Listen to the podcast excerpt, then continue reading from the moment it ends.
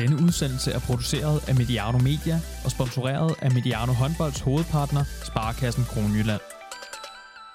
De danske håndboldligaer starter om få uger, og vi skal i gang med en sæson med tilskuere, liv i hallerne og en HTH-liga, der tegner uhyre spændende. Her på Mediano Håndbold ser vi i den grad frem til sæsonen, og til de mange spændende personligheder, der er en del af ligaen. En af dem skal vi møde i dag. Christian Jermin, velkommen til Mediano Håndbold. Mange tak. Og tak fordi vi måtte komme forbi her i uh, Sydbank Arena. Der bliver trænet lige ved siden af os lige nu. Der bliver gået til den. Og vi har besluttet, uh, kan vi sige til lytterne, at lade døren stå lidt åben, så hvis man kan høre uh, en lille smule harpiks eller nogle sko på gulvet, så, uh, så er det fordi, vi gerne vil have lidt følelse af, at sæsonen er så småt er på vej. Christian, det er jo et helt særligt sted her, Sydbank Arena. Vi befinder os for Kolding selvfølgelig, men også for dansk håndbold. Hvad betyder det her sted egentlig for dig? Ah, det betyder rigtig meget. Øh jeg har hvad hedder det, haft min største succeser øh, i forhold til min håndbold øh, her i Kolding. Og øh, der skal det siges, at øh, arenaen var en lille smule mindre faktisk. Øh, men øh, har heldigvis haft muligheden for at øh, spille mange store kampe, og har også vundet titler, øh, både i form af mesterskaber og pokaltitler til, øh, til klubben. Så det har givet mig rigtig, rigtig meget, og øh, i mine senere år nu her, så øh, er det jo mere som direktør i klubben, øh, hvor vi er i fuld gang med at øh, bygge fremtidens KIF, og øh, der skal arenaen være det helt centrale. Og lige præcis det, du nævner her, det er noget af det, vi, vi skal tale om i dag. Men jeg tænker også, når man sådan øh, som, som håndboldpersonlighed som dig møder ind sådan om morgenen på arbejde her og stiller bilen ved Sydbank Arena, hvad er det så for en fornemmelse, du har, når du går ind ad døren? Jamen, det er faktisk et, øh, en god pointe, du lægger op til, fordi øh, det giver jo masser af energi. Nu bare her i sidste uge, hvor håndboldskolen den, øh, var i fuld øh, gang, så øh, rendte der 150 unge mennesker rundt og var glade og gik til den, og øh, man fornemmede den der stemning, der er ved at være tilbage efter både sommerferie, men selvfølgelig også en lang coronapause. Og det giver jo noget smil, og det giver noget energi, og jeg kan bare mærke, så er jeg tilbage der, hvor jeg befinder mig aller, allerbedst. Du har jo også været på, det skal vi også tale om, på andre skal vi kalde det almindelige arbejdspladser. Ja. Hvad, hvad, hvad, når man, der går man også ind ad en dør, men, men, men, men at gå ind her, hvad, hvad, er det en anden type energi, du får? Jeg har altid sagt, at øh, mine sanser, de, øh, de bliver stimuleret øh, allermest, når jeg træder ind i en idrætshal. Og aller, allerhelst med håndbold øh, på agendaen. Øh, og det er jo både sådan det, det visuelle, øh, det er sådan lugten af, af harpiks, og ja, det gør sgu heller ikke noget, hvis der lugter lidt af, af, af sved, øh, når, når vi nu er i kampen side. Øh, lydene for, for, for hvad hedder det, skoene, der, der bevæger sig på, på gulvet, øh, øh, kommunikationen man, øh, mellem spillerne, øh, trænerne og spillerne og tilskuerne øh, på, på lægterne, der, der sidder og følger med. Så om det er en øh, stor ligakamp, eller om det er U13-drenge, der spiller øh, et lokalt sådan, derby-opgør, øh, så, ved, hedder det, så føler jeg, så føler jeg på en eller anden måde, at øh, det er et sted, jeg, jeg hører til. Og nu mødes vi på sådan en tirsdag i august her, før, øh, før sæsonen. Øh, der er nogen, der har sagt, at, at det er jo humøret aldrig bedre inden den første kamp eller det første nederlag. Men øh, hvordan er sådan humøret på kontoret og i klubben, sådan, hvis vi lige sådan skal lave en temperaturmåling her sådan en tirsdag i august? Vi glæder os rigtig meget. Uh, vi er i forvejen meget glade for at fornemme, at det hele er ved at åbne op, og som jeg omtalte før, at uh, håndboldskolen, der var i gang, vi kan godt mærke, at øh, det, der er ligesom, altså det vi brænder allermest for i, i vores funktioner, det er jo sæsonen, når den, når den kører. Og øh, vi ser jo rigtig meget frem til, at øh, vi starter op den 3. september på hjemmebane. Og øh, fornemmer også, at øh, spillerne de var på træningslejr hele sidste uge, og er i gang nu her i den her uge også. Øh, vi spillede en træningskamp i går mod Grænsted. Det gik rigtig fint. Vi har endnu en kamp på torsdag op i Skjern. Det ser vi også frem til. Uh, og det hele, alt hvad vi render rundt og bruger tid på lige nu, det er jo for at stå bedst muligt uh, klar og forberedt til den 3. september. Jeg har kunnet læse mig til, at I også har en form for pokalkamp mod Fredericia. Det, øh, ved jeg, det er meget rigtigt, og øh, det kunne næsten ikke være bedre, og, og det siger jeg med, med stor respekt for, for Fredericia sportslige niveau. Men der er der ingen tvivl om, at øh, hvis der er et hold, vi gerne vil slå, så er det Fredericia. Og jeg er også rimelig sikker på, at det gælder den anden vej rundt. Øh, så da lodtrækningen, den, øh, den landede øh, på den måde, at vi skulle til Fredericia, så, ved jeg, det, så var det jo både en følelse af, wow, nu bliver det muligheden for at give dem endnu en øre til. Øh, vi har vi er jo lidt ovenpå her øh, i forhold til sidste sæson, og øh, som vi siger her i, i Kolding, så er det også der ejer Lillebæltsbroen øh, i øjeblikket. Og det agter vi da at øh, fortsætte med. Og øh, der er et eller andet, der siger mig, at de står med en lidt anden holdning og, og et helt, helt lidt andet perspektiv ind til kampen. Men altså, der får den bare fuld gas. Og øh, jeg tænker faktisk også rent sportsligt i forhold til sæsonen, at det er en meget god generalprøve på ligesom at se, okay, hvor står vi i forhold til øh, den 3. september. Så udover at øh, jeg godt kan lide, at du bærer op til... Det gør vi. skal jo have de her det dueller i yes. dansk håndbold. Det, det skal du have kæmpe ros for. Men øh, jeg tænker også, er det, en, altså, er det en hård start på sæsonen?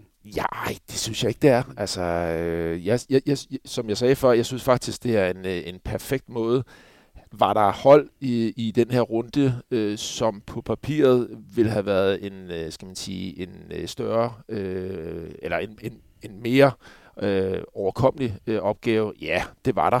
Øh, Fredericia var måske det hold, der sportsligt på papiret var, var, var den sværeste i forhold til, at vi var delt op i de to ved det, sidningslag. Men øh, altså, vi tager meget gerne øh, kampen op mod Fredericia, og øh, som sagt, det giver en god pejling, kommer til at give en god pejling på, hvor vi står i forhold til sæsonen, øh, vi skal til at starte op med. Og så kan vi andre bare glæde os til øh, endnu et brag mellem de to klubber. Det plejer at være underholdende at se på. Det gør det. Øh, Christian, øh, nu nævnte du øh, kort det her med, øh, siden du kom til som, som direktør. Det er jo din, øh, din titel her i KF Kolding. Så bare sådan helt, øh, han har sagt næsten formelt, hvad er det for en funktion at være direktør i en håndboldklub? Ja, altså jeg vil jo sige, det jeg ved hedder, det først og fremmest er en øh, funktion i forhold til at øh, få skabt noget sammenhængskraft. Øh, både i forhold til eliten, som jeg repræsenterer. Øh, vi har en organisation, øh, det vi kalder uden for banen, og så har vi også hele det sportslige setup. Og øh, for mig gælder det om, at vi får mest mulig synergi øh, og mest mulig kan man sige, effekt ud af, af det samarbejde. Øh, og det arbejder vi på faktisk hver dag. Vi var samlet her for to uger siden øh, i en form for teambuilding øh, session, og det gik rigtig godt. Øh, så er der også sammenhængskraft i forhold til øh, hele moderklubben og foreningen, som vi står, som vi står på. Øh, vi øh, vil rigtig gerne talentudvikling, og øh, vi vil rigtig gerne bygge bro øh, og styrke relationen øh, ud og altså ud i moderklubben og ud i foreningen. Og det gælder egentlig også de omkringliggende øh, små øh, håndboldklubber, øh, der ligger øh, i omkring Kolding. Således at vi kan øh, gøre mest muligt for sporten, øh, få flest mulige unge drenge og piger til at spille øh, noget håndbold øh, og dyrke noget motion. Og hvem ved øh, om et par år, om der lige pludselig render en af de lokale drenge rundt øh, på vores ligahold. Det er jo, kan man sige, den helt store drøm. Du kom til i starten af december. Ja. Ja, han har sagt, øh, ja, og midt under corona også. Og mange vil jo kende dig fra håndboldverdenen, men du har jo, om jeg så må sige, været lidt væk fra håndboldverdenen.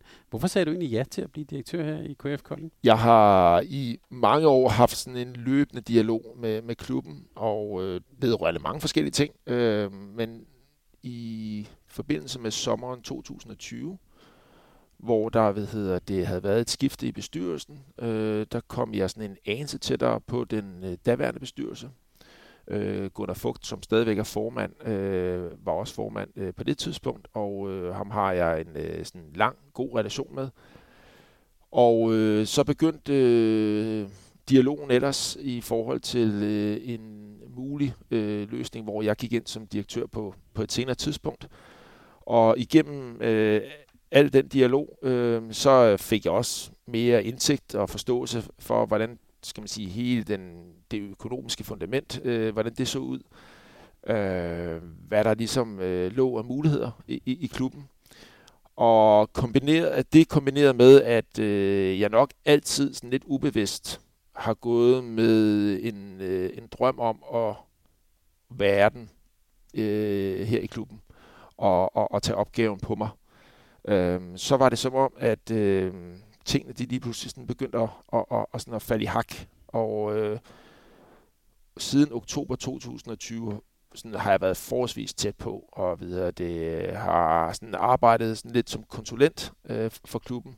Og så valgte vi så i forbindelse med, at øh, der blev skal man sige, skiftet ud igen i bestyrelsen i, i forbindelse med generalforsamlingen i slutningen af november 2020, så var der en ny bestyrelse, der trådte ind, som så ansatte mig som direktør. Så jeg startede i starten af december 2020. Og man kan sige, ja, det skal vi også lige tale om.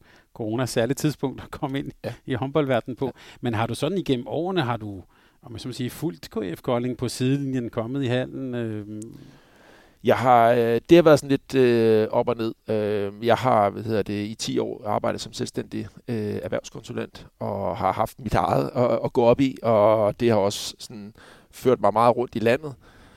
Øh, men jeg har jo altid fulgt håndbolden øh, sådan generelt, både på landsholdsplan, men også på, hvad hedder det, på ligaplan, og hvad hedder det, elsker håndbold. Øh, har også selv øh, hvad hedder det, i den senere, skal man sige, i de senere år øh, været øh, ungdomstræner i en øh, lokal øh, håndboldklub her i Kolding.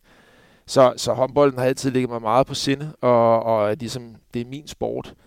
Øh, men jeg havde også en periode, hvor jeg ikke kom så ofte i hallen, og det, det lå der egentlig ikke noget i. Det, min, min opmærksomhed, øh, den lå bare et andet sted på det tidspunkt. Så øh, man må sige, at øh, den sådan, overvejelse og refleksion, jeg havde i forhold til at tage øh, opgaven på mig øh, og sige ja til jobbet, har også medført øh, sådan en, en accept øh, af alt det, der følger med. Fordi øh, det er jo en, en livsstil, øh, man, man, jeg dyrker i, i min rolle, og, og det kan jeg også se på mange af de andre mennesker i og omkring klubben. Det er jo passion og hjerte og og så meget mere. Øh, og det er, jo, det er jo det, jeg synes, der er så fedt øh, ved, ved det job, jeg har fået. Og øh, det var egentlig også noget af det, der skubbede på. Det var, at jeg i forbindelse med mit arbejde med klubben som konsulent, egentlig stiftede bekendtskab med nogle mennesker, hvor jeg bare kunne se, det her, det var altså med, med hele hjertet. Og det havde altså en smittende effekt på mig, det må jeg sige. Det skal du lige sige lidt mere om, det der med, altså med det er en livsstil.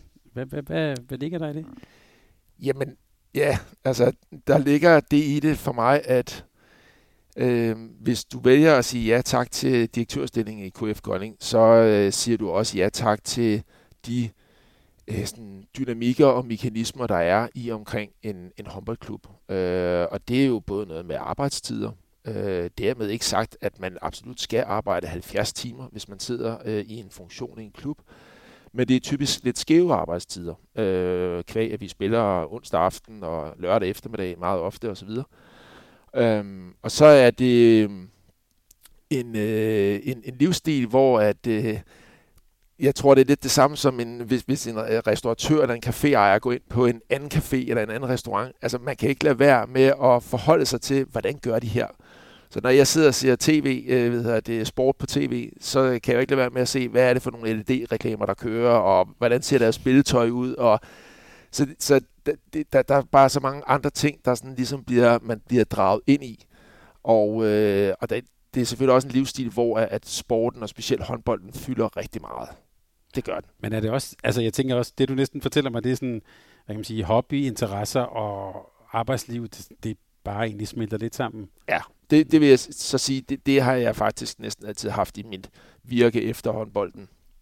Følelsen af, at, at jeg egentlig har det rigtig fint med, at det sådan stille og roligt øh, sådan bliver sådan blandet en lille smule, øh, og at jeg ikke sådan har faste tidspunkter på dagen, hvor jeg så øh, har mit arbejdstøj på, hvis man kan sige det på en måde, og, og så har jeg mit fritidstøj øh, på. Jeg vil nok tro, at jeg er på job sådan det meste af tiden. Øh, og øh, har haft rigtig mange gode og vigtige snakke med min cheftræner Andreas Tordal kl. 21, 21.30 om aftenen, fordi det var egentlig der, der var ro, øh, efter man var kommet hjem, og tingene ligesom var faldet på plads, og, og så kunne vi så snakke der. Og det er, ikke en, det er ikke med en følelse af, at nu arbejder jeg.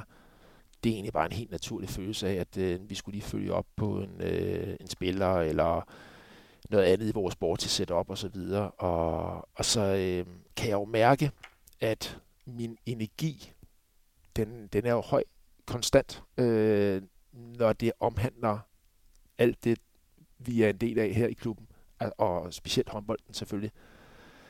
Det er jo, jeg har jo vokset op med håndbolden.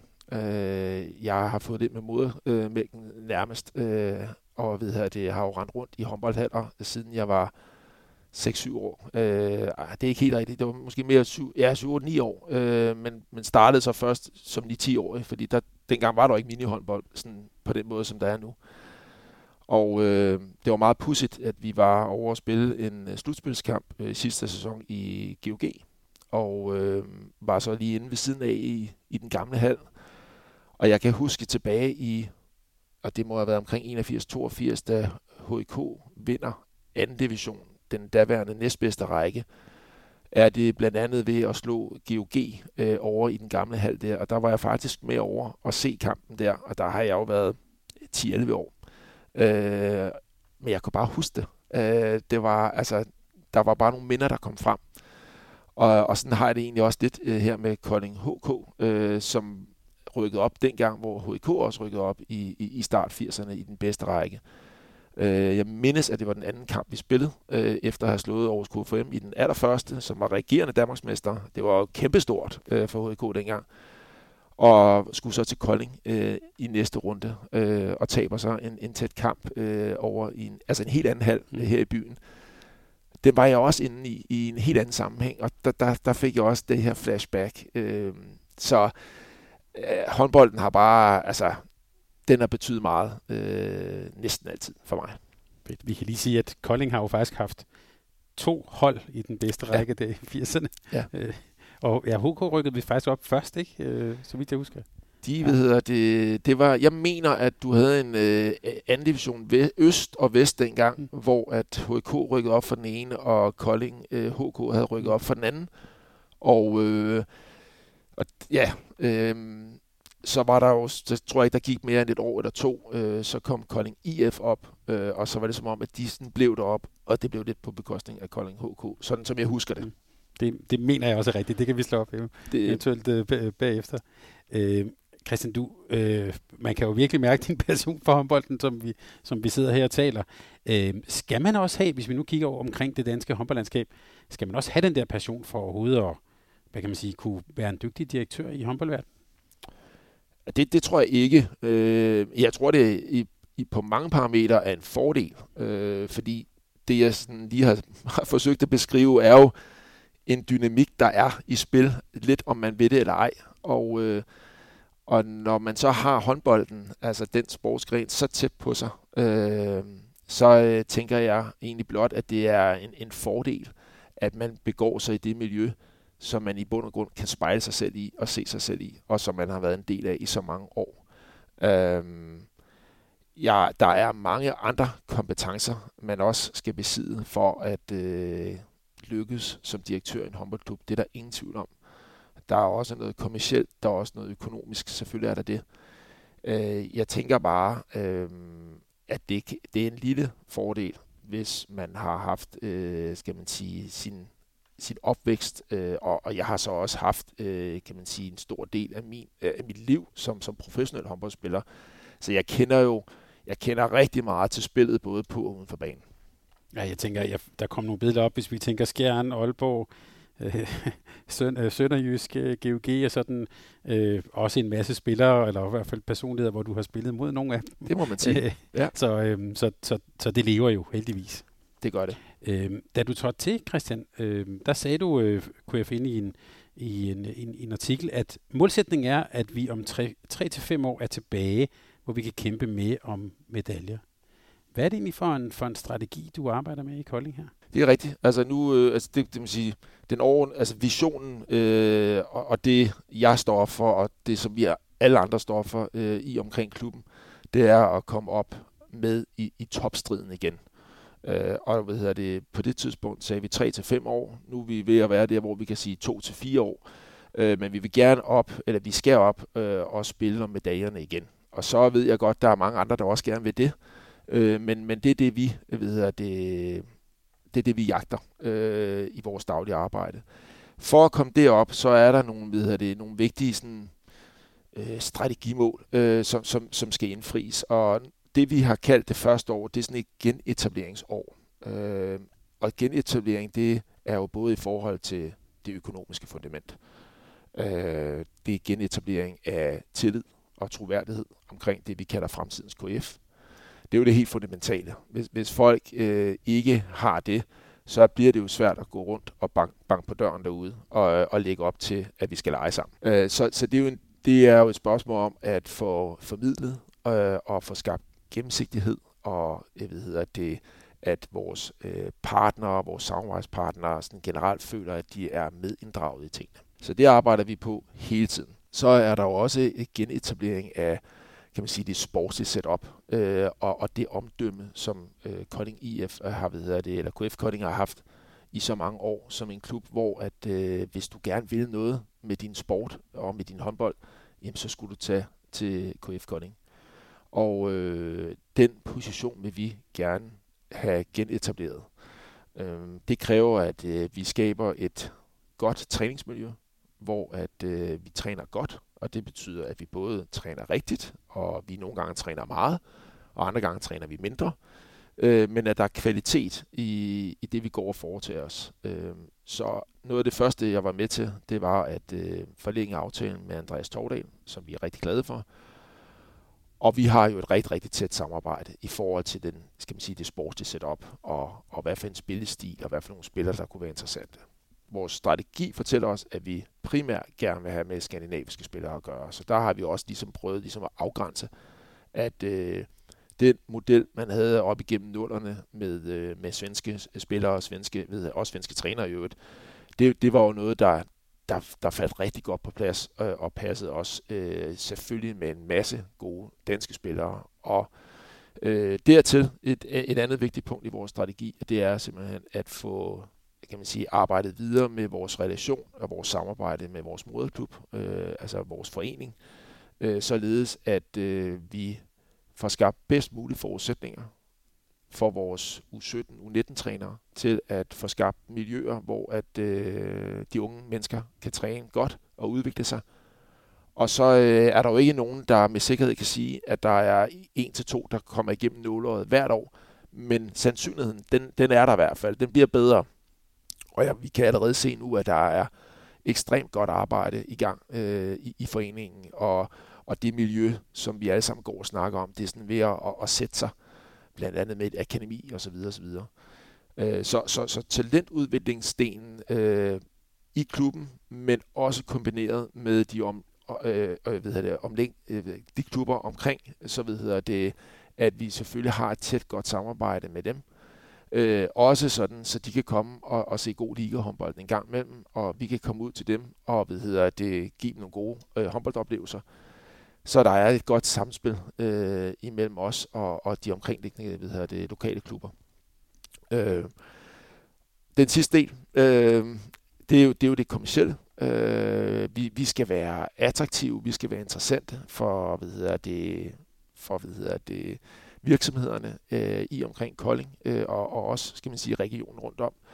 Så, øh, og, vi, og vi har rigtig mange gode forudsætninger for at, at, at blive det. Vi har, og, og det er jo det, vi sidder i i dag, øh, nogle, nogle faciliteter og nogle rammer om, omkring håndbolden, som er helt unikke. Øh, og øh, hvis vi oven i købet kan øh, levere mere end, end håndboldoplevelser, øh, men også fællesskaber og øh, hvad hedder det, oplevelser sammen, øh, så får vi jo en berettigelse øh, ude i, i det erhvervsliv, som øh, forhåbentlig øh, skal være med til at løfte os derop, hvor vi rigtig gerne vil hen. Når man hører ordet øh, genetablering, så, så får man jo også en tanke om, dels der ligger noget øh, øh tilbage i tiden, men også at der er noget, I sådan skal bygge op igen. Det kunne være noget troværdighed, tror jeg faktisk, du brugte det ord. Hvad handler det om? Altså, er det, altså der har været det her, der er også mange klubber, hvor det er noget med forfra og igen og sådan noget... Øh, Handler det også om, at I skal bygge noget troværdighed?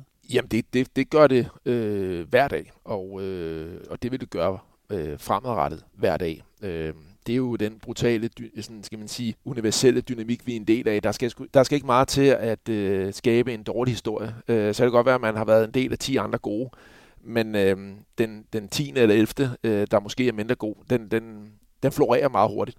Øh, så vi er meget, meget bevidste omkring, hvad vi siger, hvad vi gør, og vi er meget, meget bevidste om, at vi, at vi får lukket, altså det bliver en åben fest, og vi får involveret og vi får engageret vores samarbejdspartner omkring os. Det er jo ikke nogen hemmelighed, at øh, KF Kolding har været igennem nogle rigtig, rigtig svære år. Og, og når jeg siger genetablering, så er det jo også fordi, jeg helst ikke vil fremstå som en fantast, der bare tror, at han kan springe hen over den del af vores genetablering, der hedder, at vi skal have bygget og skabt troværdigheden og tilliden op igen omkring det hele. Det er det, det hele kommer til at bygge på. Øh, så hvad hedder det, det, det forholder vi os til. Øh, og når vi ligesom har været igennem genetableringsåret, så kalder vi det modningsåret, og så det tredje år, det bliver udviklingsåret. Og hvis jeg skulle prøve at sætte et billede på det, så er det et spørgsmål om at få sådan, skal man sige, fast øh, grund under fødderne. Det er det første. Så skal vi have ordentligt fodfæste. Det er det andet. Og skal vi sætte af. Det er det tredje. Og det, det er sådan et billede på genetablering, modning og udviklingsårene. Synes jeg var et, øh, et, et, et godt billede. Hvorfor tror du, at øh, man har valgt at sætte dig på den opgave? Ja, det jo altid svært at, at, at svare på, hvad andre ligesom har, har, har, nej, hvad, hvad andre ligesom øh, har troet, eller hvad, hvad de syntes. Men, men jeg vil da gerne tillade mig at, at antage, at hvad hedder det, det, øh, det match, øh, som jeg oplever har været godt, øh, har været, at der har været en god kombination af, at jeg er, kan man sige, velkendt øh, i omkring klubben. Jeg har spillet her før. Jeg er velkendt i det, kan man sige, i håndboldmiljøet, øh, så jeg ved godt, hvad der skal til øh, for at, at, at blive god øh, og at skabe en god, hvad hedder det, skal man sige, træningskultur. Jeg har ved hedder det, brugt rigtig, rigtig mange år på min egen konsulentforretning, så jeg ved også godt, hvad det vil sige at skulle arbejde med den kommercielle del, øh, og salgs- og marketing osv. Øh, jeg øh, kalder mig jo selv, øh, eller jeg vil beskrive mig selv som en kommerciel foreningsmand, øh, fordi jeg har, jeg synes, øh, begge ting vægter rigtig meget øh, hos mig. Øh, jeg har brugt rigtig meget tid øh, i foreningen, og øh, for mig er det sådan det helt fundamentale øh, i, i forhold til vores egen forretning. At det skal vi værne om. Øh, og hvad hedder det? Grunden til, at jeg også lige kommer frem til det, er, at, øh, at når du sidder som direktør i en, i en håndbold eliteklub, så øh, sidder du også samtidig i et krydsfelt mellem elite øh, og sådan velbetalte håndboldspillere, professionelle håndboldspillere, og så har du forening og det frivillige øh, på den anden side. Og det kan jo ikke undgås, at øh, inde i midten af der, der ligger der en masse følelser i, hvordan man gør det her på den rigtige måde. Og der tror jeg, at øh, det vi er lykkes med indtil videre, og det jeg har en antagelse om, som, øh, som jeg har haft med mig og kunne bidrage med, det var at, at ligesom at finde øh, en, en, en god balance i, i det krydsfelt, jeg lige beskrev. Øh, fordi det er ikke altid bare den rationelle øh, beslutning, der skal trumfes igennem. Øh, og det er heller ikke altid øh, følelserne, man skal lade løbe af med sig. Øh, det er meget ofte øh, enten, altså en ting midt imellem. Øh, og i nogle øh, situationer, så, så er det måske en meget rationel beslutning, der skal træffes. Og der skal man ikke, der skal jeg lægge følelserne øh, til side. Og omvendt, der skal jeg også forholde mig til følelserne, øh, øh, og det, som jeg kan se og opleve, der er på spil, og skrue lidt ned for den mere sådan formelle og, øh, og rationelle øh, del af det. Og det er, det er en kæmpe opgave, som ligger sådan lidt u, sådan, øh, usynligt hele tiden og er på spil, øh, når man er i omkring sådan en, en klub som jeg Man kunne i hvert fald sige, at øh, vi andre fik jo at se under kvindernes EM i december 2020, hvad jeres frivillige var i stand til at etablere på meget, meget kort tid. Det var jo, altså, ja, hvad havde de, 10 dage eller mindre, tror jeg, til at, at, at stable hele det her på benene her, og et fantastisk arrangement. Så det kan vi i hvert fald sige, hvis du var i tvivl om, der var nogle kræfter, så så du i hvert fald, hvad det kunne der. Det, det så vi alle sammen, og det er jo et rigtig godt eksempel på, hvad, øh, hvad der kan skabes og, og etableres på meget, meget kort tid. Øh, så også kæmpe kado til, til hele den frivillige organisation. Du nævnte, at øh, du gerne ville have, at det skulle være en åben fest. Ja. Øhm, altså, jeg, jeg får et billede af at spille med åbne kort, øh, ja. invitere folk indenfra. Er det også fordi, at når vi er i KF Kolding, så er der også nogle andre, måske øh, flere øjne på hjernen, der er på andre? Ja, det, det, og det, det tror jeg, der er. Øh, der er mange, der har en holdning øh, til øh, KF Kolding, og det, det, det faktisk, det, det tager vi meget, meget positivt. For tænk engang, hvis de ikke havde nogen holdning til os. Øh, det ville da være skrækkeligt. Øh, det, der ligger i det for mig, når jeg siger åben fest, så ved hedder det, lige så vel som du har på et hold spillere med landskampe og mange år på banen, og nogen, der scorer flere mål end andre. Og så har du den, den unge øh, højrefløj, der kommer op øh, i sit første seniorår og skal til også, også sådan at lære en masse. øh, så har du jo også i det kom- kommercielle øh, setup øh, samarbejdspartnere på vidt forskellige niveauer. Øh, vi har jo store kommercielle øh, Øh, virksomheder inde, øh, som de er der, er der største, og så har vi jo også vi har jo den lokale skomager øh, stadigvæk, øh, som en del af vores øh, sådan sportslige øh, setup og, og, og som, som samarbejdspartner blandt mange andre. Så, så ved hedder det, øhm, det jeg vil sige med det er, at alle skal føle sig lige velkomne, når de møder op øh, til en kamp en lørdag eftermiddag. Øh, så øh, det synes jeg er et, sådan et, et vigtigt signal for os at, at sende, at øh, når vi er til kamp, så er vi alle sammen øh, på det samme hold. Øh, der, der må fællesskabsfølelsen godt være rigtig stærk. Og så er der én modstander, og det er ved det, nede på banen. Så, så det, det der, øh, sådan skal man sige, øh, der er mange klubber, der deler øh, sponsor op i guld, sølv og bronze, øh, eller hvad, hvad det nu kan være. Der kommer vi til at, at samle hele vores øh, sponsor, altså alle vores øh, samarbejdspartnere i et lokale eller to lokaler, og så, så er man et stort fællesskab, når man er til håndbold. Så er det klart, så er der nogen, der er mere eksponeret på tøj og på bander og på LED. Der er nogen, der er til company golf dage. Der er nogen, der er med til nogle andre ting osv., fordi det har man så også yderligere med i, i den aftale, der nu er lavet. Men på kampdagen, der er vi et stort fællesskab mod modstanderen. Er det det her hashtag, vi kæmper for Kolding? Det ligger der også i det. Øh, det, der også ligger i hashtagget, vi kæmper for Kolding, det er, at øh, vi i bund og grund eksisterer, fordi vi gerne vil sætte Kolding på den kortet.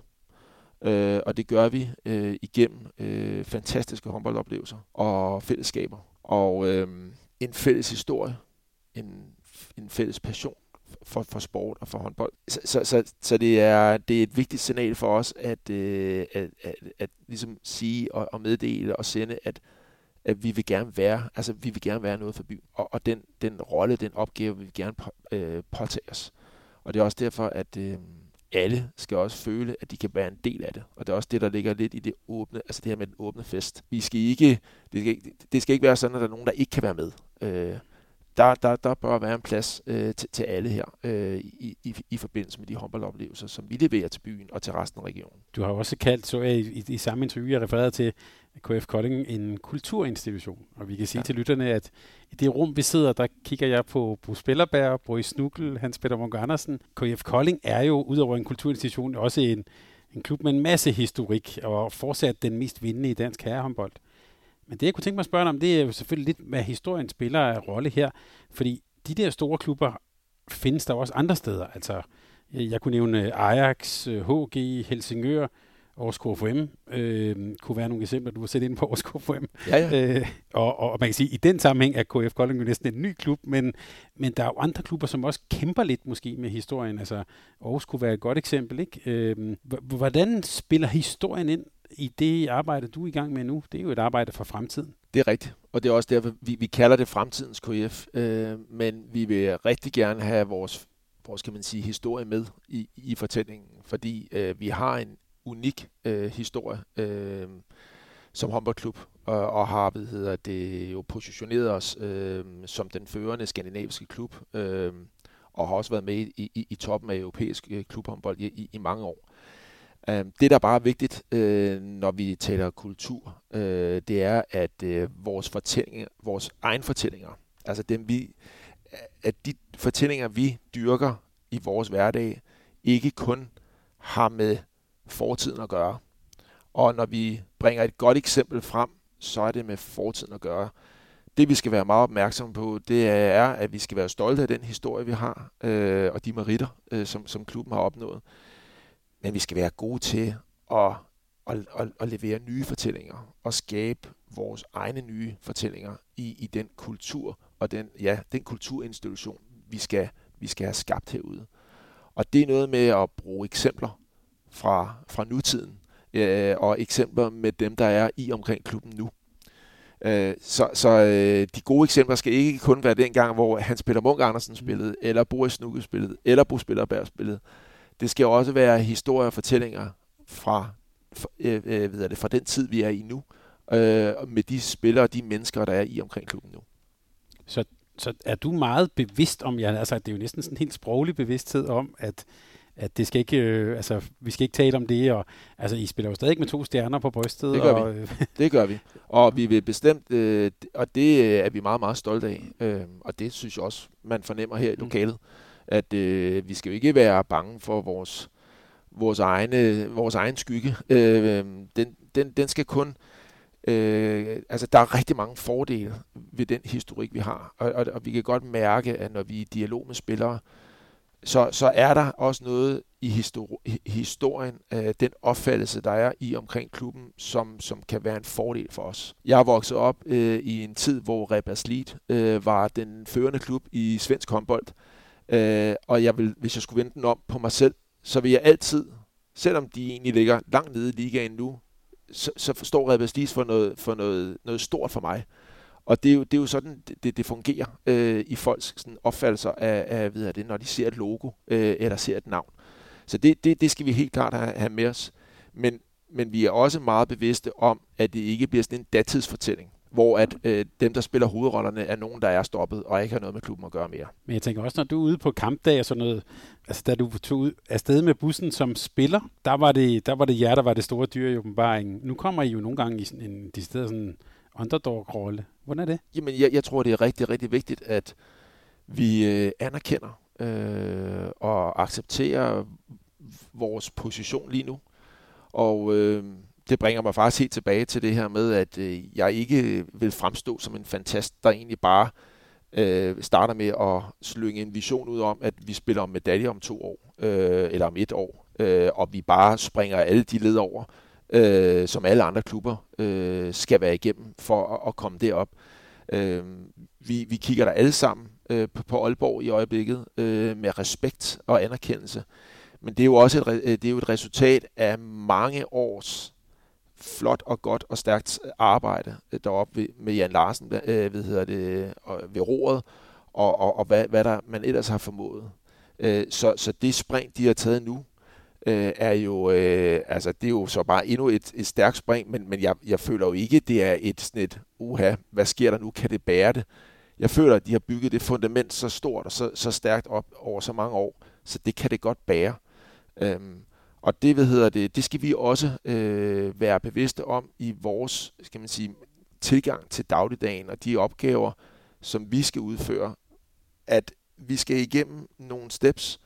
Øh, vi, kan, vi ser os selv som et midterhold øh, lige i øjeblikket. Vi, vi, vi kæmper for slutspillet i den kommende sæson.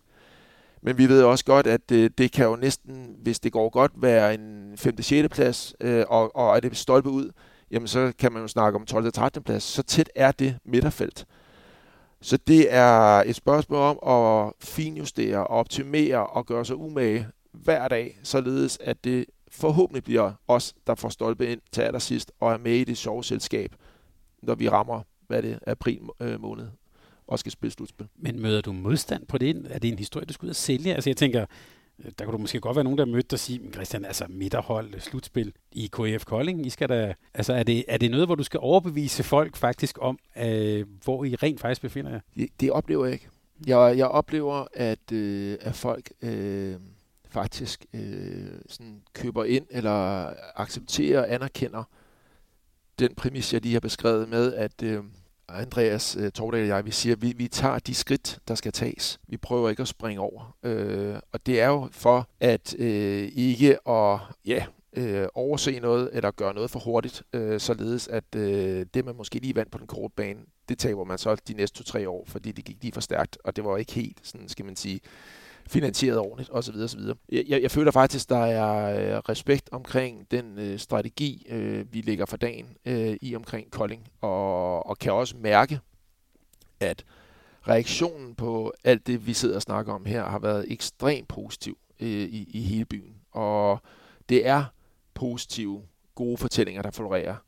Der er, har været en enorm opbakning øh, til fremtidens KF. Vi har, vi har 50 nye øh, partnere inden øh, fra januar og så til nu. Øh, altså helt nye øh, hvad hedder det, sponsorer, der, der er kommet ind. Øh, så det er jo et meget sådan, skal man sige, konkret øh, eksempel eller bevis på, at folk de, øh, de, vil, være, de vil gerne være med øh, til at bygge fremtidens KF. Og hele det her med corona og sådan, jeg hører dig næsten sige, at det egentlig ikke har været nogen udfordring, hvis vi tænker på det kommercielle. Ej, jeg vil sige, at det, der er ikke noget, der, der kommer af sig selv, men, men jeg, vil, jeg, vil, jeg, vil, jeg vil sige, at øh, jeg føler helt klart, at der er, har været en, en øh, enorm opbakning øh, til projektet øh, indtil videre, og øh, det hænger også sammen med, skal lige siges, at vi sportsligt sidste år leverede langt over forventet. Øh, sidste år på det her tidspunkt, der tror jeg, det var meget få, der spåede os i, en, i et slutspil. Øh, og, og, så, så, så der er ingen tvivl om, at de sportslige resultater sidste år, som var overraskende, øh, eller vi præsterede over, øh, over forventet, det har også været med til at skubbe til det. Det er der ingen tvivl om. Øh, sådan lidt, lidt filosofisk, øh, øh, hvis man må være det. Øh, jeg, jeg tror, kan. vi er ved at vække noget op, øh, som måske lige har været lidt i tvale, og nogen troede næsten, det var ved at, at, at dø hen. Øh, der, vi er ved at vække noget op, som faktisk hele tiden, hele tiden har været. Håndbolden fylder meget i, i Kolding og i omegn, og hvad hedder det, det skal den også fremadrettet. Ja, vi sidder jo i en arena, der er plads til, hvad, 5.000? 5.001. 5.000 fordi så kan der være internationale øh, håndboldstævner. Man skal være over 5.000. Okay. Så, så, jeg ved ikke, hvor det, hvor det sæde er, øh, man har placeret, men det var altså præmissen for at afholde et mesterskab. Så øh, der er i hvert fald plads til interesserede folk fra trekantsområdet her. Hvordan, øh, hvordan, hvordan ser du egentlig jeres, øh, hvad kan man sige, øh, kampen her? Der er jo, ja, du har nævnt Fredericia i håndbold, der er jo selvfølgelig også Vejle i, i fodbold og sådan. Den der kamp om opmærksomheden i det her område, er det, får I folk tilbage i handen, tror du? At det, altså vi glæder os så meget, og vi, altså nu siger håber, men vi arbejder meget, meget hårdt på at øh, kunne øh, starte ud den 3. september med, øh, ja, vi går øh, og, og, og, håber på, på omkring 3.000 tilskuere. Det vil være rigtig, rigtig stort. Øh, jeg synes faktisk, at det, det er lidt svært at forudse lige i den her periode, fordi der sådan i forlængelse af den her åbning øh, på coronaen, øh, der, der fornemmer jeg faktisk også, at der er nogen, der lige på en eller anden måde skal i gang i, igen. Øh, men øh, vi får i hvert fald meget positiv øh, respons og feedback på det, vi går og laver, og vi kan mærke, at det begynder sådan rigtig at summe. Og, og, og så har vi jo sådan per tradition jo altid haft god opbakning. Så ved det, det håber vi virkelig også. Øh, vi kan også se, at øh, salg af sæsonkort, det, sådan, det, det matcher meget godt sidste år. Øh, så, så jeg, jeg har en stærk fornemmelse af, at interessen er intakt, og, og så øh, skal vi have bygget på øh, nærmest fra kamp til kamp. Hvad er det for et håndboldpublikum, og du må godt tænke tilbage til, da du selv spillede hernede. Hvad er det for et håndboldpublikum, der er i Kolding? Det er et fantastisk håndboldpublikum. Øh, og øh, eksemplet, øh, jeg kan give, er faktisk øh, fra coronatiden øh, sidste sæson, hvor der måtte være 500 tilskuere. Og Carsten Thyssen fra Skjern, han sagde, jamen det er jo det eneste sted, hvor man føler, der stadigvæk sidder 3.000. Så, så de, altså, der er simpelthen en tradition. Øh, jeg ved ikke, om man er blevet skolet op som en god håndboldtilskuer her i Kolding. Men øh, der er drøn på, og øh, jeg kan da også høre fra, fra andre øh, spillere øh, fra andre klubber, de kan godt lide at komme til Kolding, fordi der er gang i den. Og Christian, nu nævnte du jo i starten, at du jo oprindeligt er fra, øh, fra HIK. Du så var så fem år i Flensborg Handevidt øh, ja. derefter. Det, kan vi også, det kunne vi også tale længe om, men jeg kunne godt tænke mig lige, at du fortalte om den første gang, hvor du selv kom til, til Kolding efter, efter dit ophold i, i Flensborg. Hvad var det for en klub, du kom til der? Jeg kom til Danmarks suverænt bedste håndboldklub. Det skal ikke være nogen hemmelighed, at øh, jeg havde spillet fem år i øh, Flensborg og to år i Ciudad Real, og ville egentlig gerne have været tilbage til København, øh, som dengang havde FCK København, øh, men kunne, kunne slet ikke øh, lande en aftale med øh, den daværende direktør øh, Dan Hammer. Og øh, så havde jeg, jeg havde faktisk haft dialog med øh, Jens Bosen helt tilbage fra hvad hedder det, 95, hvor det var, jeg så endte med at rykke til Flensborg i 96. Og at måtte så, sådan, skal man sige, skuffe ham øh, og, og, og, og køre lidt øh, en, en time længere sydpå. Jeg kan huske, Anders Dahl, han ringede en aften, så sagde han, Nå ja, men hvor skal du spille næste år? Så sagde jeg, jamen jeg, øh, jeg regner faktisk med, at jeg skal til Kolding. Så sagde han, hvordan stop lige en gang. Øh, hvis du overvejer Kolding, så kan du lige så godt køre en time mere øh, og, og tage til Flensborg. Hvad siger du til lige at, at komme ned og hilse på os?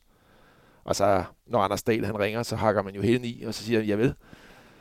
Og så vidste han jo godt, hvad han skulle. Han skulle bare invitere mig til sådan en Bundesliga-kamp en onsdag aften i Førdehalle med 4.000 tilskuere, øh, der var helt vilde. Øh, så ved det, jeg stod med åbne arme og var fuldstændig klar til at ved det, skrive kontrakt efter den oplevelse. Så, så det var egentlig der, så landede jeg i Flensborg i stedet for Kolding, øh, der dengang jo lå og kæmpede med GOG øh, om, om, om titlerne. Øh, så, så jeg havde haft sådan en dialog med, med Jens, så det var egentlig sådan meget naturligt, at, at når det nu ikke skulle være i København, så ved det, var det jo både i forhold til den del af historien, men egentlig også det, at det, det var øh, klart det sportslige bedste, øh, der, der var på det tidspunkt. Og øh, oven i købet øh, muligheden for at øh, læse øh, ved siden af og begynde at studere, øh, og en ganske, ganske fin kontrakt. Øh, så der var sådan mange ting, der, der faldt på plads der, øh, og så er jeg blevet lige siden.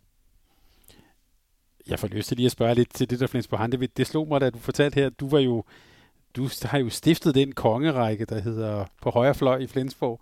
Men, ja, I virkeligheden er der også noget på venstre fløj, men... Ja. Men, øh, Ej, lad os bare sige højre fløj.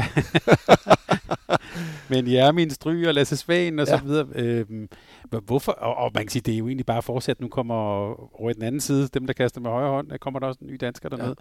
Ja. Hvorfor er det sådan et godt sted at være for en dansker? Altså, jeg vil sige, at øh, du bor lige på den anden side af grænsen. Øh, jeg, boede, jeg var jo, jeg var københavner, så jeg, jeg skulle trods alt, dengang var der også, øh, der var ikke bro lige i starten, men du er ikke langt hjemmefra, hvis det er. Og øh, det betyder også omvendt, at øh, sandsynligheden for, at du får mange besøgende, den er rimelig stor. Og så er der en, en skandinavisk øh, kultur. Øh, det, det er stadigvæk en tysk øh, Bundesliga-klub øh, med alt det, der følger. Der er øh, store krav og forventninger til dig, og øh, der er en fantastisk fankultur. Og, og det er jo en enorm fed stemning at spille i hver gang, men, men der følger også et pres, og en, altså et forventningspres med. Øh, vi havde Anders Dahl, dengang jeg kom derned, øh, og fik så efterfølgende Erik Veje, så vi havde, jeg har haft danske træner øh, i, i, i alle mine år dernede. Så hvis man gerne vil smage på Bundesligaen, øh, uden at den bliver for tysk, så øh, er Flensborg jo det helt ideelle sted, vil jeg sige. Øh, øh, og nu, som du siger, øh, der er også mange andre skandinaver øh, på holdet. Så man kan sige, at det, det er den største kultur øh, sådan skifte, jeg har oplevet, det var da jeg tog til Ciudad Real efter fem år i Flensborg. Det skal du lige sige lidt mere om. Den, den, den spanske liga og en spansk absolut topklub. Jeg kom ned øh, med øh, Talan Ducebaev og hvad hedder det, øh, nogle andre, kan man sige, øh, profiler øh, fra Bundesligaen. Øh, Progorelov blandt andet, øh, som var øh, højrehåndet højre bak. Øh, øh, Henning, Henning Wickertz, en tysk øh, landsholdsmålmand på det tidspunkt. Øh, så jeg, jeg kom ned til Ciudad Real i den sæson, hvor de virkelig sådan, skal man sige, oprustede, og Ducebaev var den helt store øh, stjerne på det tidspunkt. Og øh, hvad hedder det, øh, der sker det pussy, øh, at øh, jeg spiller alle fem år i Flensborg, spiller jeg fem Europacup-finaler. Vinder de tre, og den sidste vi vinder, det er mod et spansk hold af det Marleon. Og så sidder vi øh, i sådan, skal man sige, op til sommerferien og, og øh, har sådan en form for afslutnings, øh, ved det, snak øh, spillerne imellem, og jeg skulle til Spanien, og jamen, vi ses næste år i finalen, øh, fordi vi lå i den samme Europacup-turnering, øh, Flensborg og ved det, Ciudad Real. Og det er jo der, vi møder øh, Flensborg så året efter i finalen, hvor der opstår tumult øh, efter den første kamp, og hvad hedder det, det var det var en skrækkelig oplevelse, øh, og det var faktisk, øh, ja, Flensborg må virkelig have ærget sig. De fører med et mål i pausen øh, i finalen dernede, og, og vi ender med at vinde med ni. Og at det, så bliver det svært at hente det hele øh, ved det, på hjemmebane.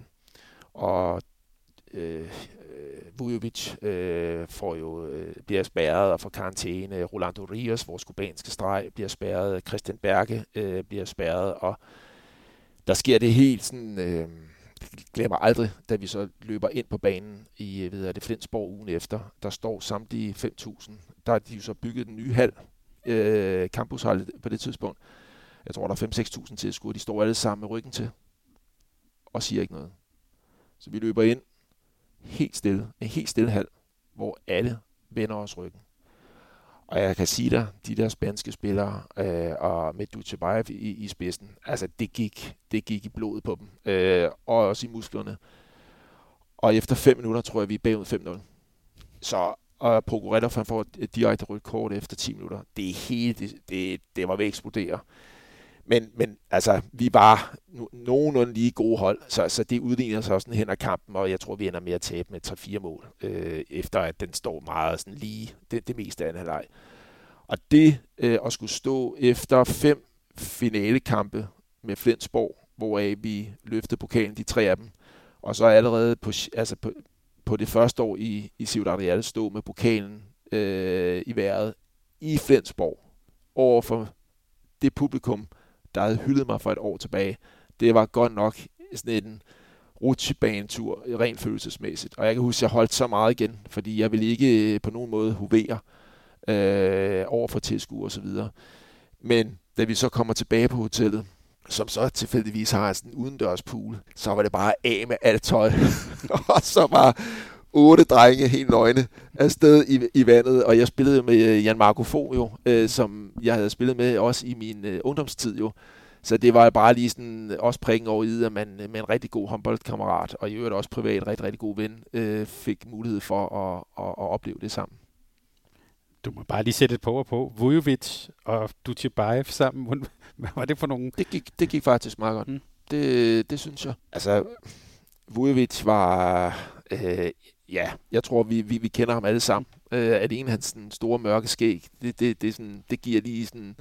Det indgyder noget respekt, øh, og, og for nogen måske også noget frygt, og jeg tør slet ikke at tænke på, dengang, at de har spillet i, hvad var det, Meloplastica Sabac ja. øh, tilbage i 80'erne og på deres hjemmebane dernede, der, der, der har det nok ikke været helt nemme arbejdsbetingelser. Øhm, men hvad hedder det, han var, han var faktisk en, øh, en ganske fin taktisk træner, øh, og, men havde sådan hele tiden sådan lidt to sider.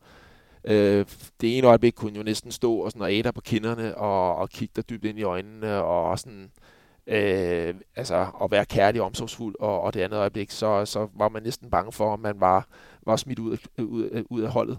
Øhm, men det, jeg ikke var så vild med, det var, at vi startede stort set hver eneste træning med, øh, med basketball, øh, som jeg vel er sådan jævn i, men han er jo gammel, øh, han er jo Jugoslav, ikke? Mm. og dernede er det jo næsten været nationalsport. Øh, så han elskede basketball. Det var også mange af de andre øh, spanier og andre udlandske spillere, der gjorde. Så ved det, vi landede øh, nede i den ene ende, og så stod han med nogle af de andre spillere, der var rigtig gode i nede i den anden ende. og øh, det var for og mig, og, og vi fik så lov til at stå og spille mod Dutjebaev, og så Grebnev. Jeg ved ikke, om du kan huske Grebnev, mm, oh, men jeg tror, han er 2-5. Kæmpe grød. Så deres taktik, det var, at hvis du bare fik lige ramt kurven, så kunne øh, Grebnev jo så stå ind under kurven og gribe bolden, og så sådan, nogenlunde bare kaste den i. Så det, vi var over, vores kamp var hurtigt overstået. Ikke? Så mange af vores træninger er jo startet op med, at jeg løbet rundt selv sådan i 10 minutter og sådan opvarmet op, øh, mens de andre spillede færdigt nede den anden. Det, det forholdt han sig ikke så meget til. Men, men altså igen, det var jo ligesom, øh, jeg var så heldig at vinde første titel med Flensborg øh, tilbage i 96 i Europacup-finalen. Vi spillede faktisk mod Vium Sorgfri. Mm øh, så var vi også heldige at vinde øh, og dygtige øh, og, vinde den første til øh, for Ciudad Real øh, det første år dernede, øh, som var Europacupen også øh, mod Flensborg. Mm. Så, så, så det er jo altid sådan, selvom man efterfølgende vandt mange titler øh, med, øh, med Ciudad Real og også har vundet titler med, med Flensborg, så, så står det jo altid som noget, noget særligt, den aller, aller første titel. Sjov med Vujovic. Han startede jo til, til basket, ved jeg. Øh, før han, så havde han så lyst til at slå lidt hårdere på folk, tror jeg, så blev det så håndbold, men det hang åbenbart ved. Ja. ja, ja. ja Christian, det der med at være ude i, ja, både i Flensborg, men selvfølgelig også i, i, øh, i Ciudad Real, øh, Øh, der er jo sådan lidt øh, snak om det her med, om danske spillere skal tage ud og sådan noget. Øh, hvad vil være dit gode råd? Skal man bare afsted? Det er et godt spørgsmål. Jeg har selv øh, haft en, en, en lidt særlig øh, vej, synes jeg, fordi jeg tog også, øh, jeg spillede jo HIK øh, i mange af mine ungdomsår, og var så de tre sidste ungdomsår i Vium Sorgfri. Øh, det der, jeg møder jeg Marco Fogh og spiller med Claus Bro, øh, Jørgensen og så videre, og har, vi har et rigtig, rigtig, nogle rigtig fine årgange. Men vælger så, så at rykke tilbage til HK som, som, som senior, øh, som på det tidspunkt lå i en division øh, i den næstbedste række og blomstrer øh, og spiller fuld tid og scorer masser af mål, og landstræneren kom og så os i Kilsgårdshallen og så videre, selvom vi spillede den næstbedste række, og vi rykker op, og spiller så mod Kolding. Øh, det er faktisk der, Anders Dahlsen ligesom virkelig for øje øh, for mig, øh, helt tilfældigt, øh, er hele Flensborg op og ser os mod Kolding en, en onsdag aften, øh, hvor jeg så har en af de der kampe, hvor at alt, hvad jeg rørte ved, det var bare helt fantastisk. Og hvad hedder det, lander så i, i Flensborg som, hvad, hvad er 22, øh, og får så en træner dernede i Anders, som tror 100% på mig. Øh, så jeg blomstrer videre dernede. Øh, og, og så går det ellers af. Jeg synes i hvert fald, at man skal forholde sig øh, til matchet i forhold til træner og klub, og så den sådan, person, man er. Du, du kan jo egentlig godt være super dygtig og et kæmpe talent, men hvis, du ikke, sådan, hvis det ikke lige matcher med der, hvor klubben er på, på det tidspunkt. Jeg synes, Mikkel Hansen er egentlig et meget godt eksempel på, da han kommer til Barcelona, at det måske var for tidligt, at han kom til så stor en klub. Øh, at et step på vejen måske, øh, eller to år mere i Danmark, havde, havde været det helt rigtigt. Jeg ved det ikke, og det kan også godt være, at, at det havde ændret sig, øh, hvis det var, han var blevet. Det er der ikke nogen af os, der ved, men øhm, mit, mit råd vil blot være at se sin karriere på øh, den lidt længere bane. Øh, og så sige, det kan godt være, at jeg tager to år til nu her i KF Kolding, selvom jeg har ambitioner om at komme til udlandet. Øh, men de to år kan faktisk være med til at forlænge min karriere i udlandet med yderligere 3-4, øh, fordi at fundamentet er på plads, både fysisk, øh, mentalt og, og, og, og, og skal man sige, håndboldteknisk. Så øh, zoom ud, se det sådan lidt, på en lidt længere bane, øh, og så sådan vurdere matchet op imod den kultur, der, der er i klubben. Nu nævnte jeg lige kongerækken. Vi kan også lige sige til lytterne, du har jo ikke mindre end 170 landskampe under bæltet, øh, så, så og, og, over en lang, lang periode. Jeg tænker, Christian, for at komme så langt, som, som du har gjort, man skal selvfølgelig være dygtig og sådan noget, men den mentale styrke, du må, du må have haft, der har vel været op- og nedture, tænker jeg, og øh, i Ciudad Real, der har du i hvert fald været langt hjemmefra. hvad, hvad gjorde, at du lykkedes, at du kunne også holde fast i så mange år? Jeg tror fundamentalt har jeg været i god form. Øh, altså jeg har altid godt, jeg, jeg, jeg har altid godt kunne lide at træne. Så, så ved jeg, det er sådan hele forudsætningen for at, at lykkes sådan over flere år. Øh, det kræver, at du har en, en god fysik. Jeg har været fløjspiller. Der vil være nogen, der vil påstå, at det er en lidt nemmere chance, øh, end hvis man er stregspiller. Det, det, det anerkender jeg. jeg synes, det, jeg har jo reflekteret rigtig meget over det her. Jeg har, hvad hedder det, jeg, jeg synes, jeg har været heldig på den måde, at jeg, altså den gang med Flensborg, det var den onsdag aften, hvor jeg var nede, og, og vi sad nærmest, og det var sgu på en serviet, hvad det var, jeg øh, skulle tjene og så videre. Der var jo ikke agenter eller noget som helst på det tidspunkt. Men jeg kommer ned, og hvad hedder det, øh, den anden højre fløj er sådan småskadet i starten, og, og jeg slår til, og får vundet den der respekt på holdet, og, og bliver klart førstemand, og, og spiller stort set fuldt ud. Øhm, øh, og har en træner i Anders, der, der tror på mig, bruger mig på bak, øh, højre bak nogle gange, og på playmaker-positionen, hvis der er, der var skader og så videre. Så, så øh, det har også haft betydning, at jeg har været, kan man sige, haft en rolle på både holdet i, i Flensborg og, og kommer så til Ciudad Real og gør også en, en god figur der og har måske det aller, allerbedste år i mit andet år dernede i Ciudad Real, hvor vi øh, vinder øh, pokalen og vinder Europakoppen og, og, og taber så guldkampen mod Barcelona øh, på hjemmebane i den næste sidste kamp, øh, hvor det kunne have gået hen og blevet en rigtig, rigtig, rigtig stor øh, hvad hedder det, sæson. Øh, og, og, og score mange mål, og hvad hedder det, både i Europakoppen og, og, og i ligaen. Øhm, og har også det år en, en, en træner, som, som, som, som tror på mig. Øhm. Men skal man også have noget hårdhed? Altså den der sådan, eller øh, nogen vil også bare kalde det sådan mentale styrke, er det også en, en, en forudsætning? Altså jeg vil sige, at de første tre måneder nede i Spanien, de var godt nok hårde. Altså jeg har aldrig nogensinde talt så lidt, og jeg har aldrig været så meget alene. Øh, og det, altså, øh, men jeg havde, jeg ved ikke om det er lidt at gøre med min opdragelse, men det var sådan, nu var det det her, jeg havde besluttet mig for, det var det her, jeg havde sagt ja til. Og det var sådan lidt tilbage til min opdragelse i forhold til, når du nu er gået i gang med det her stykke arbejde, så gør det færdigt. Øh, jeg skal ikke sige, men, men, men, men det er nok det, der sådan, øh, kommer sådan op i mig som, som, som svar på dit spørgsmål. Øh, har jeg mental styrke? Ja, jeg tror, jeg er rimelig mentalt stærk. Øh, har jeg en, øh, sådan en, en personlighed, der er sådan, sådan rimelig positiv øh, anskuende på, på, på ting sådan generelt. Ja, det er så, så, så der er nok øh, også nogle mentale øh, sådan, ting i det. Øh, men det allervigtigste har været, at jeg har kunnet, jeg har kunnet bevise mig på banen. Øh, altså det, det har jo været håndbold, der har fyldt rigtig, rigtig meget. Øh, jeg vil sige, så på den måde har jeg jo ikke blevet testet helt ud. Øh, sidde på bænken, sidde på tilskuerrækken. Altså jeg tænker jo meget ofte på nødesbo. Mm. Altså den, den, den vej tilbage, hvor, altså det, den, det år, hvor han kæmper sig tilbage fra nærmest at, at være uønsket, og så faktisk blive afgørende. Altså det er, det er en helt unik historie, synes jeg. Men ja, hvis jeg så skal drille dig lidt på det danske landshold, så der oplevede du i hvert fald modgang. Eller hvis jeg skal drille dig endnu mere, vil sige, I var jo lidt, det var blevet, blev sådan lidt lige ved næsten. Ja. Øh, og det var tæt på, og, men jeg tænker også, der må have været en del sådan skuffelser, ja. eller hvordan var det at være på landsholdet de år? Det var, øh, det var faktisk, øh, der var faktisk en del frustration, fordi øh, det er jo igen det der med, at du er den bedste på din position. Du spiller i en af de bedste klubber i Europa. Og det er der jo rigtig mange af dine kollegaer, der også gør øh, på landsholdet. Øh, hvad er det, der gør, at vi ikke øh, kunne få det til at øh, fungere, når det så rigtig galt? Var rigtig gode op til turneringerne, øh, til mesterskaberne. Øh, og, og det var også derfor berettiget, der var, var store forventninger.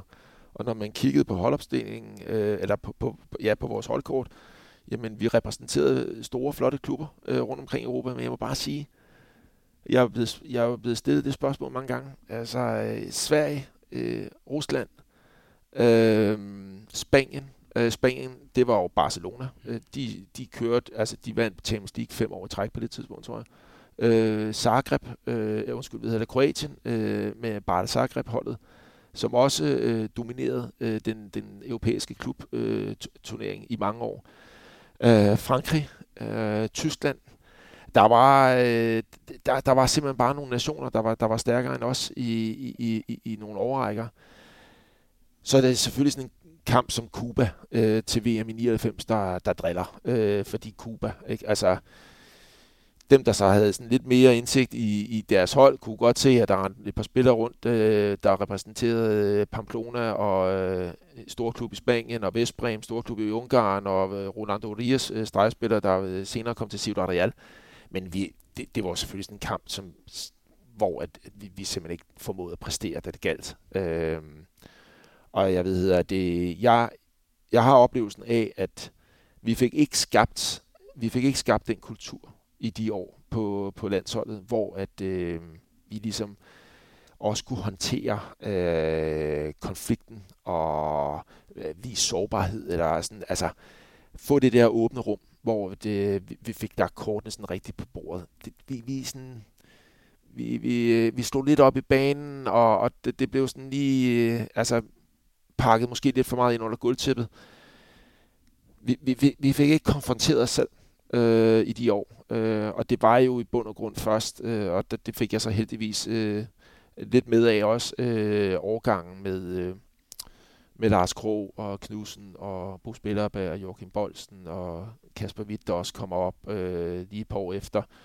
Øh, og mange flere i den der gyldne overgang, der var med til ligesom at, at skubbe os hen sådan i, i et andet mindset, altså en anden tilstand som, som hold. Øh, det gjorde også, at, at Torben Winter jo var inde og, kan man sige, øh, ja, i, altså der, når der kommer nye spillere ind, så er der også nogen, der skal ud. Så, så der var jo nogle spillere, der lige pludselig ikke var med, mere med på holdet, og det, det var jo det, der så kulminerede øh, første gang helt rigtigt sådan i 2008.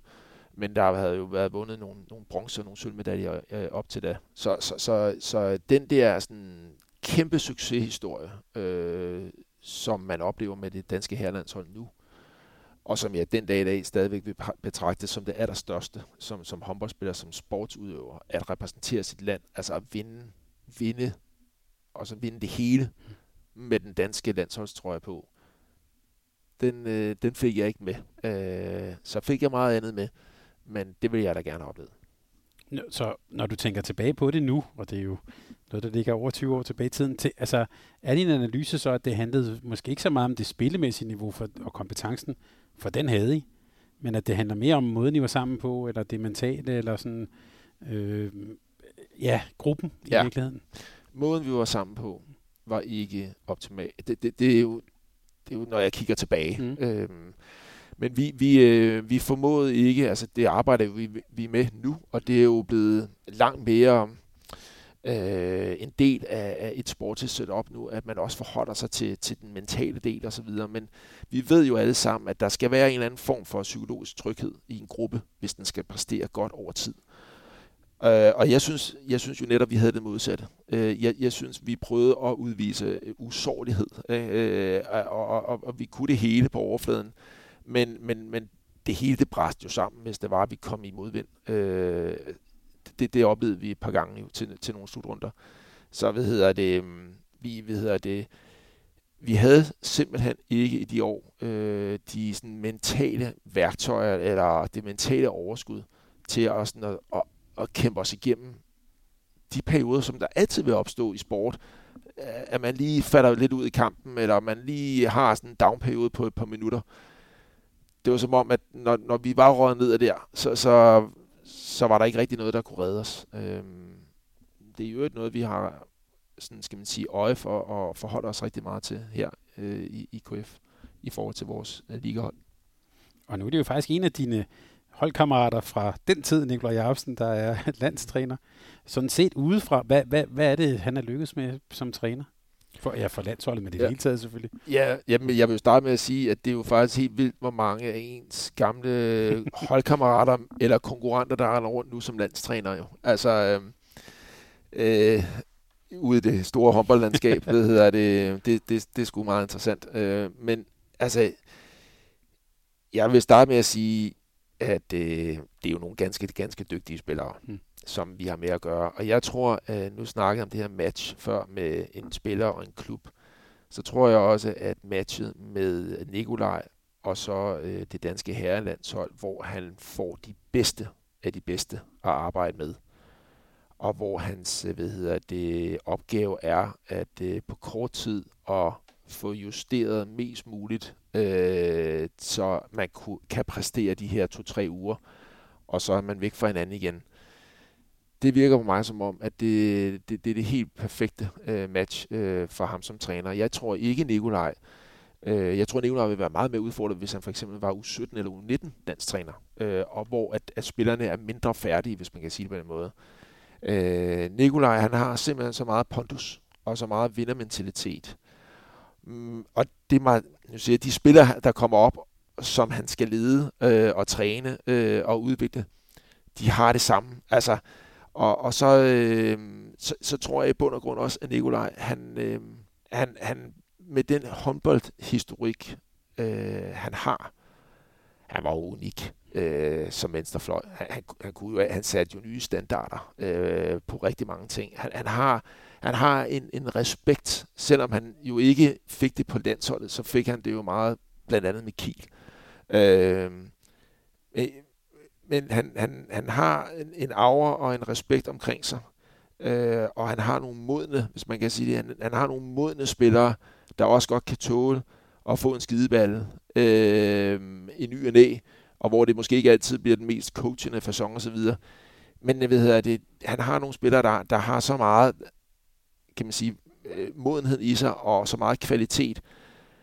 Så hans opgave er jo at få de små procenter ovenpå, og det, det gør han altså godt. Øhm, så øh, jeg, jeg tror lige så meget som det er et, et godt match, så tror jeg også, at, øh, at Nikolaj, øh, han har så meget håndbold i sig.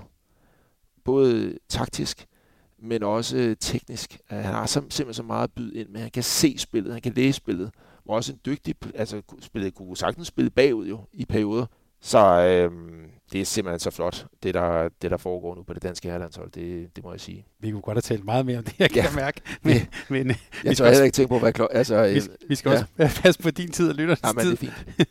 Så lige her til sidst, så, øhm, så tænker jeg bare lige, at vi øh, lige, lige kommer tilbage til Kolding, den danske liga. Så vil jeg bare spørge dig sådan helt åbent, øh, hvordan ser du på den liga, vi skal i gang med i, øh, i år, HTH-ligaen? Øh, den ser måske stærkere ud end nogensinde, øh, og måske også meget jævnbyrde. Hvad bliver det for en sæson, vi skal i gang med? Jeg tror, det bliver en fantastisk sæson. Jeg tror, vi ved, at det, på trods af, at øh, på papiret, at øh, Aalborg sådan opruster, øh, og har oprustet også allerede til den her sæson, så, øh, så er jeg sikker på, at, øh, at GOG øh, nok skal øh, komme til at drille dem, øh, og at øh, det ikke bliver øh, Aalborg og alle de andre. Øh, jeg synes også, øh, at TTO, øh, kan man sige, lægger på øh, i forhold til den der top 4. Øh, men ellers øh, så ser jeg jo også øh, som en, en del af det her kæmpe, stærke midterfelt, øh, og som jeg beskrev øh, før, at det, det, det kan være lige fra en 5. 6. plads, altså Sønderjyske slutter på 5. pladsen sidste år, ikke? Øh, øh, til en 12. 13. plads. Det er det, det midterfelt, vi, vi, vi ser os selv i. Og det er jo det, vi øh, træner hver dag for i øjeblikket. Det er jo at øh, få de få øh, procenter øh, ovenpå, der gør, at øh, det er os, der er i det, i, i det gode selskab. Og så, øh, så tænker jeg også, at, øh, at det ikke er givet på forhånd, hvem der, der skal tage de, øh, altså skal man sige, skal ned. Øh, det, det, det bliver også et tæt, øh, Øh, en tæt turnering øh, i forhold til, hvad hedder det, til bunden. Øh, vi, vi ser os i midterfeltet, øh, men, men jeg ser ikke en, en, en, en klub øh, eller et hold, der sådan på, givet på forhånd øh, skal ned øh, overhovedet. Jeg synes, at alle holdene de bliver stærkere og stærkere, og øh, jeg synes, den danske liga er enormt attraktiv øh, og bliver mere og mere attraktiv. Øh, jeg synes, Aalborgs øh, kan man sige, resultater sidste år taler for sig selv, øh, at man som dansk topklub kan nå så langt i Champions League. Øh, så, så jeg forventer mig rigtig, rigtig mange tætte, spændende kampe. Jeg forventer mig en meget, meget tæt liga fra top og hele vejen ned. Så øh, at øh, det jeg ikke forventer mig, det er ikke, jeg forventer mig ikke en, en, en liga, der, der knækker fuldstændig over. Eller der er nogen, der bliver sat fuldstændig. Jeg tror, jeg tror at vi, vi går en meget, meget, meget tæt og jævnbyrdig uh, liga i, i møde. Uh, så det, det er vi meget, meget spændt på, hvordan, hvilken rolle vi spiller i det. Christian, det var en god måde at slutte på. Vi øh, glæder os til sæsonen. Det gør vi. Tak fordi vi måtte komme og besøge dig. Det var så lidt. Tak fordi du lyttede til en podcast af Mediano Håndbold. Hvis du kunne lide udsendelsen, så husk at abonnere på Mediano Håndbold, der hvor du hører podcasts. Så får du den seneste udsendelse serveret direkte til dig. Du må gerne fortælle dine venner om os, og husk at følge os på Facebook, Twitter og Instagram. Mediano håndbold kan lade sig gøre, takket være Sparkassen Kronjylland. Vi har gået hånd i hånd siden foråret 2018.